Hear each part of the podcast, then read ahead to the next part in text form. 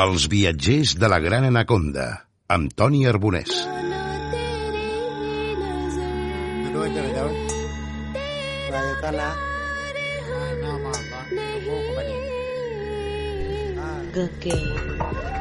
Please hear my anguish words of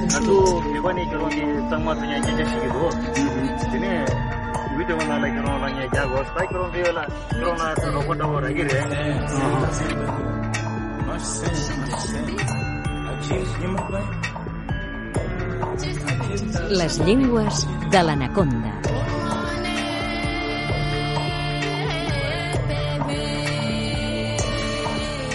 David Valls, benvingut. Moltes Has gràcies. estat a Guatemala, terra de selva, piràmides maies, volcans... Sí, mira, vaig ser... Va ser el 2005, vaig, m'hi vaig estar mig any, què et sembla? I t'hi entenies? T'hi entenies? Sí, en castellà, sí. Ah, pensava parlaves en quiche. No, en castellà, que és la llengua internacional, Sí. la llengua comú. I el quiche? Deu ser Eh, la llengua comuna dels La llengua... guatemalencs. el quiché és una de les 22 llengües que es parlen a Guatemala. D'aquestes 22, 21 són d'origen maia, com el quiché, i n'hi ha una altra de la qual, ara quedaré malament perquè no en recordo el nom, que no és d'origen maia, sinó que té un altre origen. No sé si és una llengua aïllada que corre per allà. El quiche que té un altre nom, també. Sí, bé, el quiché que en diem nosaltres, però també conegut, eh? En quiché en diuen Katsi Jopal, hi ha un so aquí que vol dir la nostra llengua. Això és habitual, eh? Amb, amb llengües i pobles que en la seva pròpia llengua es diguin la nostra llengua, la gent, el nostre poble, els únics, nosaltres, homes. els homes, exacte, eh? Això és molt habitual. Això és l'egocentrisme. Ah, exacte, no? sí. Eh? I És una llengua maia. És una llengua maia que bàsicament es parla a Guatemala, parlada pel poble quiché, d'acord?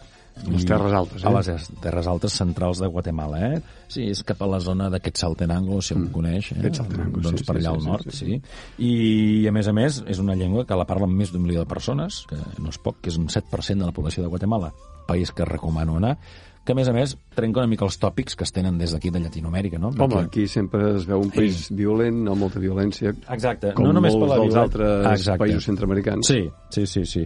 Bé, tenen una història turbulenta força recent de guerrilles i guerres i... I corrupció i mals corru- governs Corrupció, i- això ja a Llatinoamèrica, Sí, penso que... és, és, sí. és de natural, sí. Sí, però en fem és també referència amb el tema, diguéssim, de la composició de la població, perquè arribes allà, no sé si el 60 o 70% de la població és d'origen maia, eh, indígena, amb mestissos també, població blanca és molt minoritària Guatemala, però és que, a més a més, la gran majoria de la població indígena parlen llengües d'allà i eh, trobes molta població que són monolingües, sobretot pels pobles i per les muntanyes. I no hi ha forma d'entendre's No, ara també ho he dit una malament. llengua que no sigui la seva. Exacte. Quan dic monolingües també ho he dit malament, que no parlen espanyol, perquè potser parlen més d'una llengua d'allà, eh? Això és habitual, eh? Hi ha gent que parla quiché, cacchitel, eh, mam, eh? són llengües de la zona. Per exemple, no parlen no poden parlar, no, no parlen espanyol que dius, no, no parlen espanyol, bé, i tu no parles quiché, no? I ets el que visites el, aquell lloc, per tant ets tu que t'has d'adaptar amb ells I vas no ets aprendre algunes paraules de quiche? Doncs mira, no. No em Això vaig és aprendre. tot un lingüista. Sí, a saludar, a saludar, vaig aprendre a saludar, però ja no me'n recordo, és que fa molts anys. No, no, ja m'imagino. Perquè, clar, el quiche, tot i que només la parla el 7% de la població, és la segona llengua més parlada de Guatemala. Ah, Exacte, i també és la llengua més parlada de Mesoamèrica, Mesoamèrica, més Amèrica Central, eh?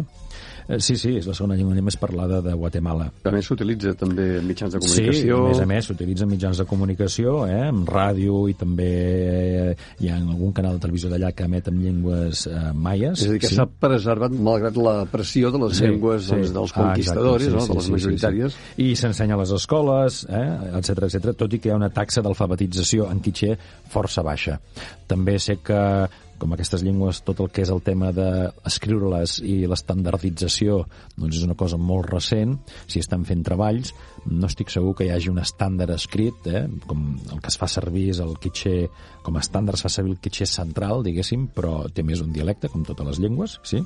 Però bé, eh, jo recordo haver estat allà amb escoles on es feia tot l'ensenyament en quiché, bàsicament. És a dir, que han pres consciència Sí. de la importància de parlar la seva llengua, podríem dir. Ah, Exacte, sí, sí, n'hem pres consciència.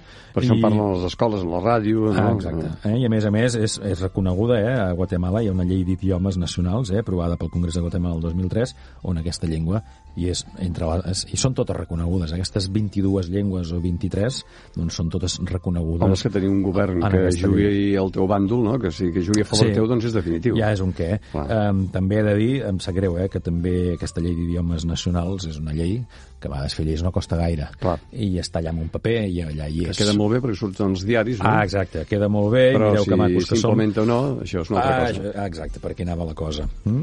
Però això sí, també hi ha una acadèmia, eh, l'Acadèmia de les Llengües Maies de Guatemala, doncs que regulen el quiché i les altres llengües i les estudien, hi ha lingüistes allà, en fan la normativa, en fan l'ortografia, en fan cursets també, les promocionen, hi ha un canal de televisió que tenen aquesta acadèmia i es pot veure per internet i veus la gent allà i tal. I quan parlem de Kitxé, parlem d'una llengua que és eh, aglutinant? Sí, és una llengua aglutinant. Què vol dir aglutinant? Doncs mira, perquè en tinguem una idea, amb una llengua més pròxima a les nostres, eh, geogràficament, doncs eh, seria l'alemany, per exemple. Eh? És una llengua que tenen una paraula i en allà dins van afegint paraules, li van posant, li van Per això posant. són aquestes paraules tan Ah, per llargues, això no? que de fet aquestes- són exacte. paraules frase.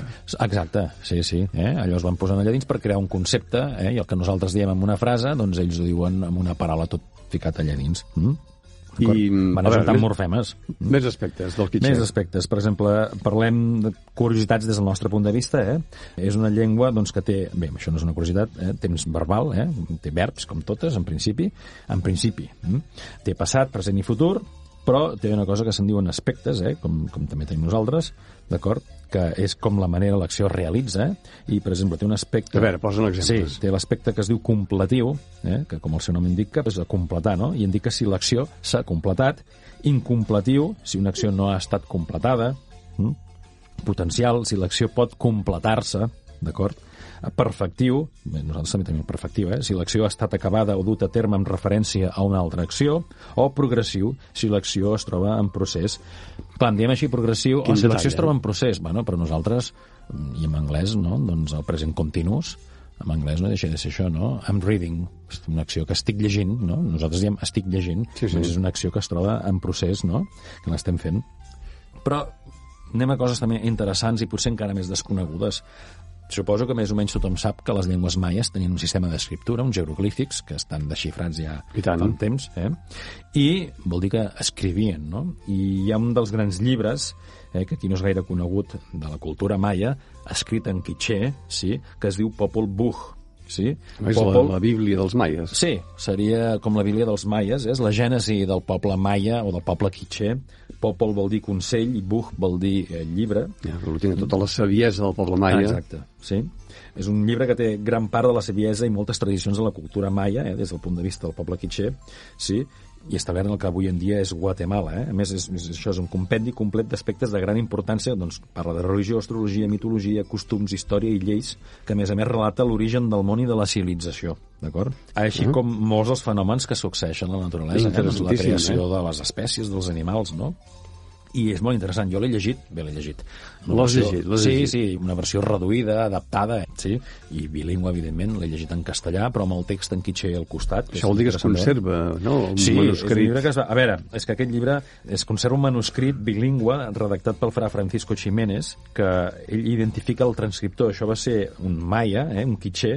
Quan van arribar els espanyols, aquest maia va aprendre a escriure amb l'alfabet llatí.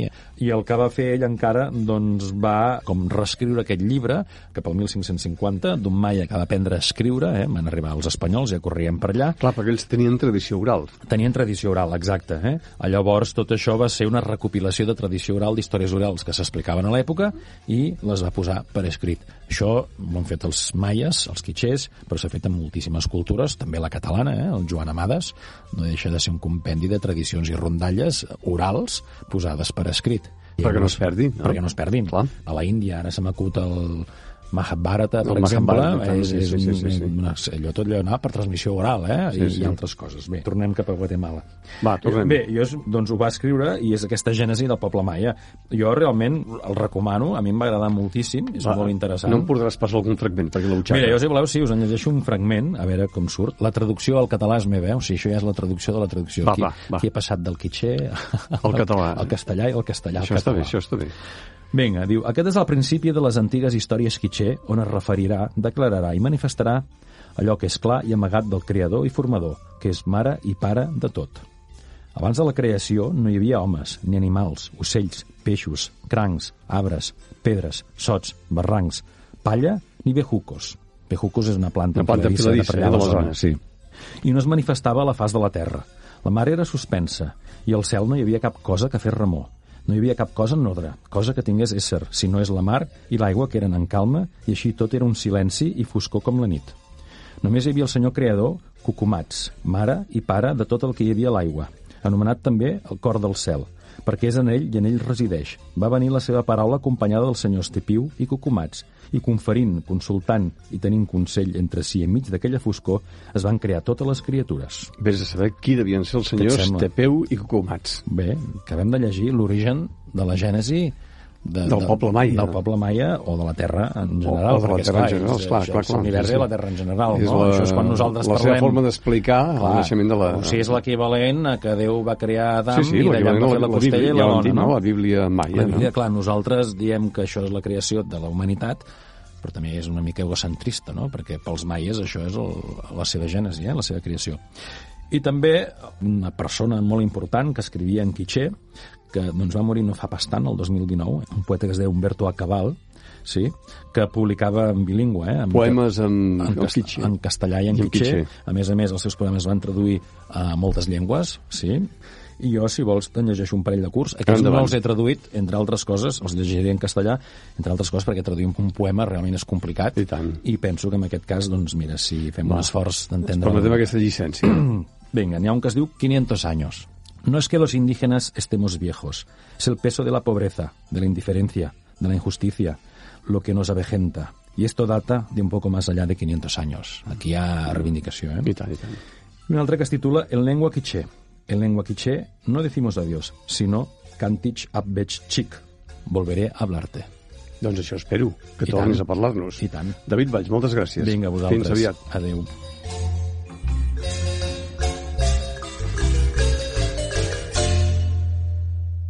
Els viatgers de la Gran Anaconda.